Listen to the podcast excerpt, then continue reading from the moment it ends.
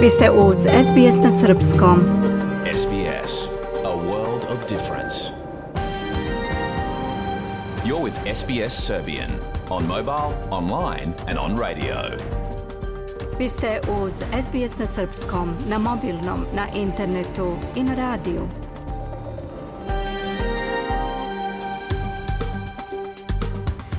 SBS odaje priznanje tradicionalnim vlasnicima zemlje sa koje danas emitujemo program na srpskom.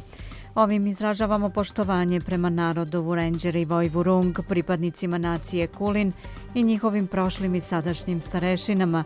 Također odajemo priznanje tradicionalnim vlasnicima zemlje iza svih aboriđinskih naroda i naroda sa ostrva iz Toresovog Moreuza, sa čije zemlje slušate program.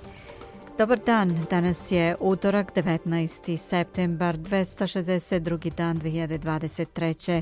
Do kraja godine 103 dana. Ja sam Biljana Ristić. U današnjem programu posle pregleda vesti više o novom izveštaju organizacije Anglicare Australia da se ljudi sa nižim prihodima nalaze u spiralama dugova zbog sve većih životnih troškova. Također o novim podacima koje je objavio Crveni krste Australija koji pokazuju da su ljudi sve više zabrinuti zbog povećanja prirodnih katastrofa, ali aktivno ne preduzimaju ništa da se pripreme za njih. 11. septembra navršilo se 109 godina od rođenja potonjeg patrijarha Pavla, a Mija Nikolić će nas danas podsjetiti zašto su ga Srbi voleli, kako ga se sećaju, šta danas govore o njemu i koja pregnuća ispunjavaju njegovu biografiju. Akne zakočavaju život milionima dece i odraslih širom sveta, ali australijski naučnici su možda otkrili efikasnu terapiju za ovu kožnu bolest o tome u okviru zdravstvenih tema. Ostanite sa nama do 16 časova, sledi pregled vesti.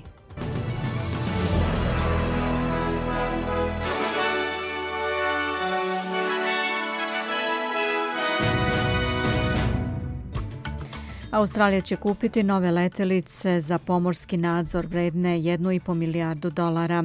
Službe za hitne intervencije su i dalje u stanju pripravnosti jer se u nekoliko država nastavlja rekordan prolećni toplotni talas. Počinje zasedanje Generalne skupštine Ujedinjenih nacija. Učestvuje i predsjednik Srbije Aleksandar Vučić.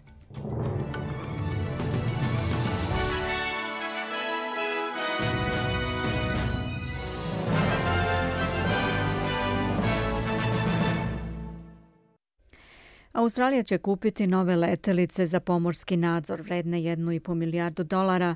Vlada će kupiti četiri drona Triton i 14 patrolnih aviona Poseidon.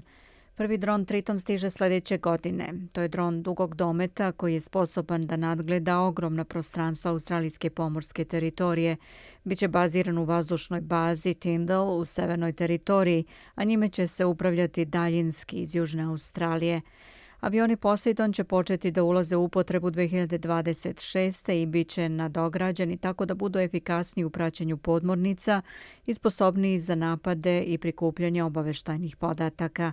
Ministar odbrambene industrije Pat Conroy kaže da će nove letelice poboljšati sposobnost Australije da deluje iz svojih severnih baza, što je bila preporuka nedavne revizije odbrambenih snaga. Najnoviji podaci pokazuju da se uslovi rada u proizvodnom sektoru usporavaju. Najnoviji kompozitni indeks koji objavila Australijska trgovinska industrijska komora kao i Westpac pokazuju da je obim novih naručbina na istom nivou, da obim prekovremenog rada i zaposlenosti opada i da je rast proizvodnje skroman.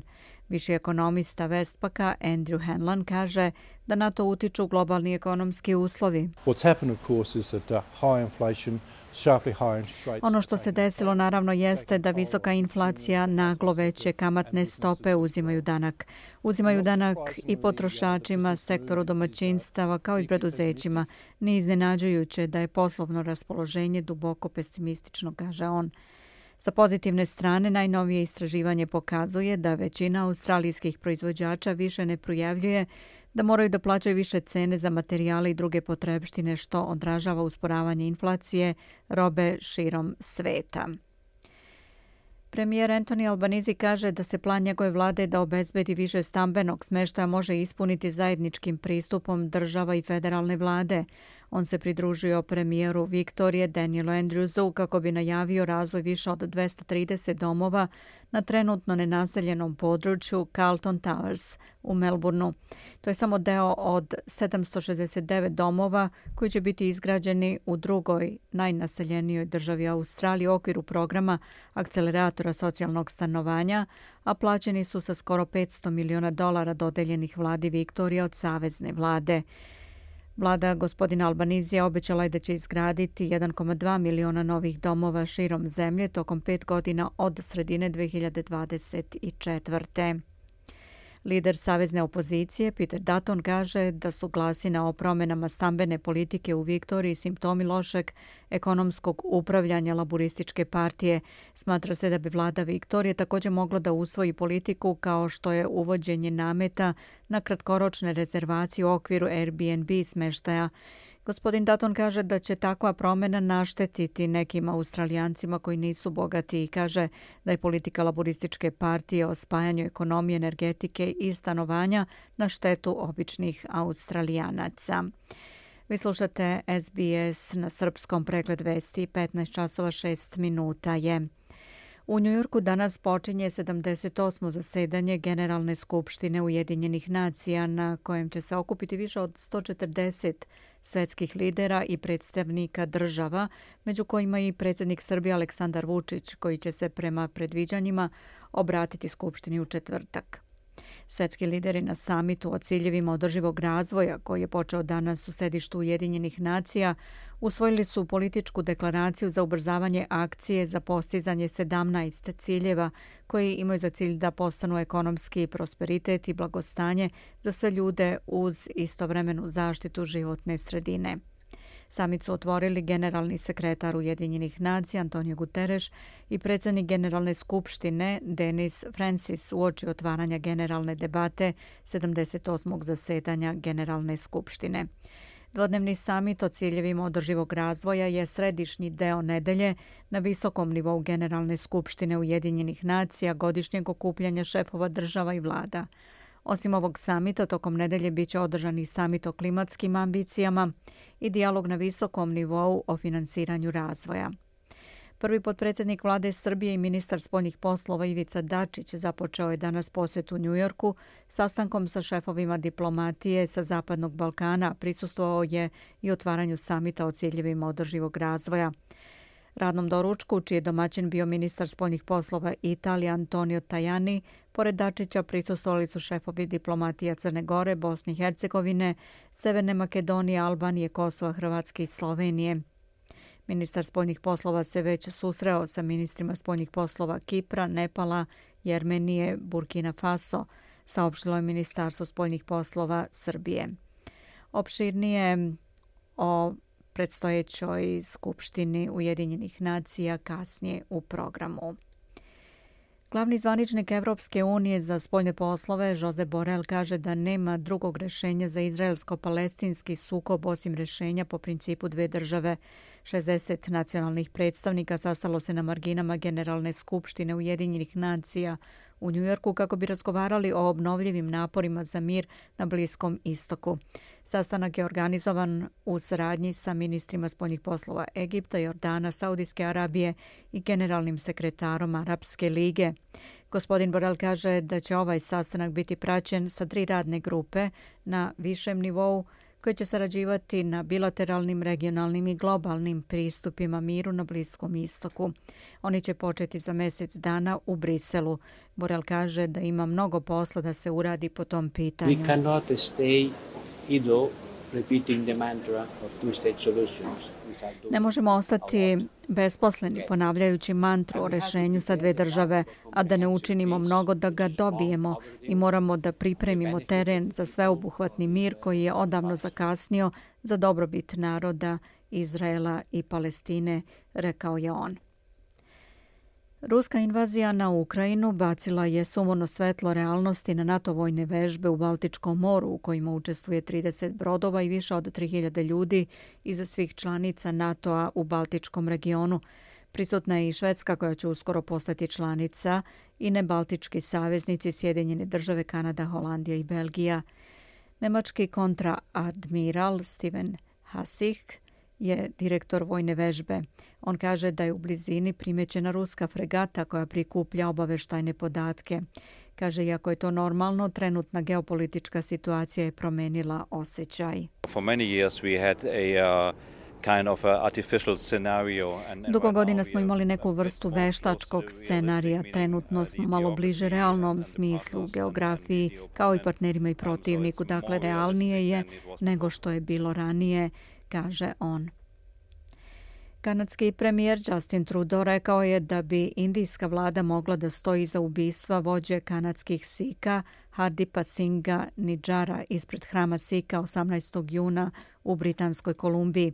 Trudeau je rekao da je kanadska obaveštajna služba identifikovala verodostojnu vezu između njegove smrti i indijske države. Any involvement of a foreign government in the killing Svaka umešanost strane vlade u ubistvo kanadskog državljanina na kanadskom tlu je neprihvatljivo kršenje našeg suvereniteta, rekao je Trudeau u donjem domu parlamenta. Istakao je da je to u suprotnosti sa osnovnim pravilima po kojima se ponašaju slobodna, otvorena i demokratska društva. Kanadska ministarka spoljnih poslova Melanie Jolie saopštila je da je proteran indijski diplomata zbog tog slučaja.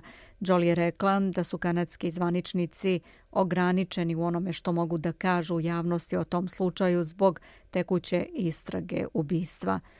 Niđara su ubila dvojica maskiranih naružanih napadača dok je bio u svom kamionu na prometnom parkingu oko 30 km istočno od Vancouvera. Indija je ranije negirala bilo kakvu umešanost u njegovo ubistvo. A Kina je uzvratila Nemačkoj zbog primetbi ministarke spoljnih poslova o predsjedniku Xi Jinpingu. Annalena Berbok opisala je predsjednika kao diktatora u intervju o ruskoj invaziji na Ukrajinu, što je izazvalo ljutit odgovor portparola kineskog ministarstva spoljnih poslova Mao Ninga. Kina žali i odlučno odbacuje primetbu nemačke strane koja je absurdna. To je ozbiljna povreda kineskog političkog dostojanstva i očigledna politička provokacija.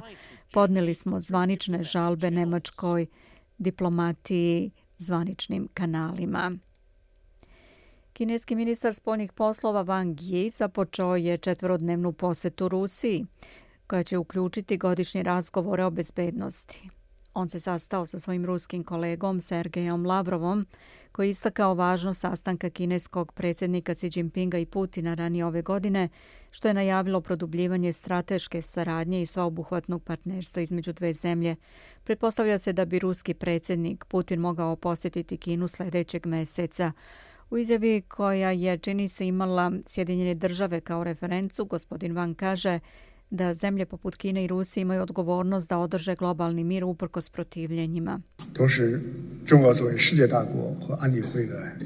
Kina i Rusija kao vodeće svetske sile i stalne članice Saveta bezbednosti Ujedinjenih nacija snose posebnu odgovornost u pogledu održavanja globalne strateške stabilnosti i mira, što su sve žešće jednostrane akcije hegemonije usmerene na konfrontaciju.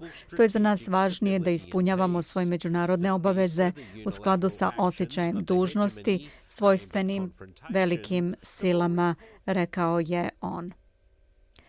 Lideri pacifičkih ostrovskih zemalja sastaće se sljedeće nedelje sa američkim predsjednikom Bidenom na drugom poredu samitu. Generalni sekretar Foruma Pacifičkih ostrva Henry Puna kaže da se region raduje poseti i nada se da će ona rezultirati konkretnim akcijama. Gospodin Biden je pre godinu dana bio domaćin prvog samita sa liderima Pacifičkih ostrva, na kojem je njegova administracija obećala da će se više raditi sa saveznicima i partnerima na rešavanju potreba ostravljana. 15 časova 14 minuta je vi slušate SBS na srpskom pregled vesti. Sjedinjene američke države i Iran u ponedeljak su obavili razmenu zatvorenika na osnovu nedavno postignutog sporazuma uz posredovanje Katara. Dogovor je finalizovan nakon što su milijarde dolara iranskih sredstava koje su bile zamrznute u Južnoj Koreji stigle u zalivsku državu što je bio i ključni element planirane razmene, kažu zvaničnici. Planirana razmena desila se neposredno u oči Generalne skupštine Ujedinjenih nacija u Njujorku na kojoj će govoriti tvrdolinijaški predsjednik Irana Ebrahim Raisi. Ali zamena neće značiti da su se tenzije smanjile između Sjedinjenih država i Irana, koji sada obogaćuje uranijum bliže nego ikada na nivou za upotrebu u naoružanju. Pod parol Iranskog ministarstva spoljnih poslova Nasser Kanain prvi je priznao da će doći do razmene.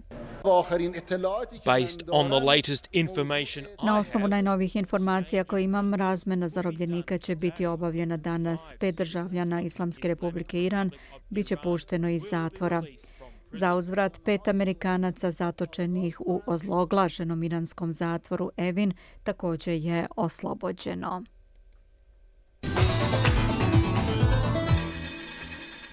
Da pogledamo i kolika je vrednost australijskog dolara.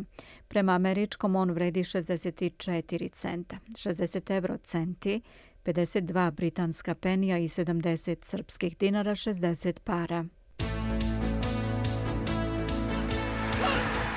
Ukratko iz sporta, reprezentativac Srbije Stevan Mićić osvojio zlatnu medalju na svetskom prvenstvu u rvanju u Beogradu pobedom nad Japancem Rujem Higučijem od 7-4 u kategoriji do 57 kg slobodnim stilom.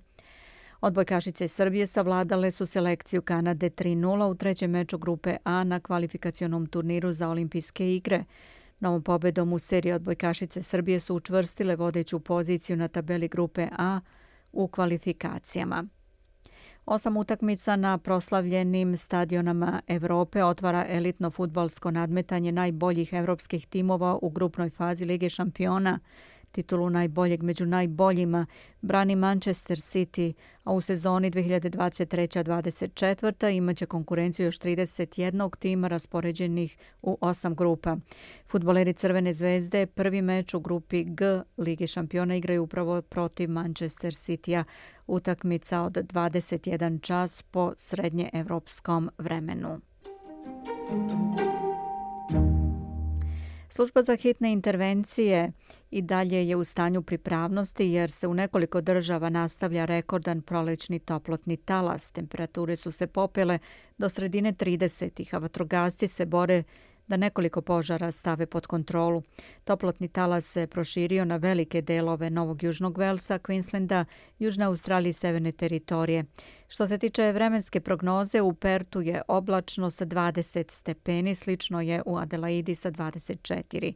Melbourne razvedravanje tokom popodneva 21, u Hobartu pretežno sunčano 26, u Kamberi pretežno sunčano 28, sunčano u Sidneju 33, u Brisbaneu 26, mestimično oblačno i u Darwinu sunčano 33. U Beogradu pretežno oblačno tokom dana do 28 stepeni. Slušali ste pregled vesti na srpskom jeziku. Za sve najnovije posetite slash news.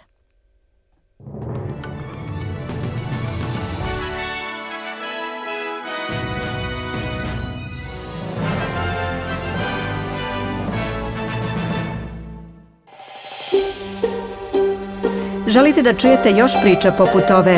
Slušajte nas na Apple Podcast, Google Podcast, Spotify ili odakle god slušate podcast.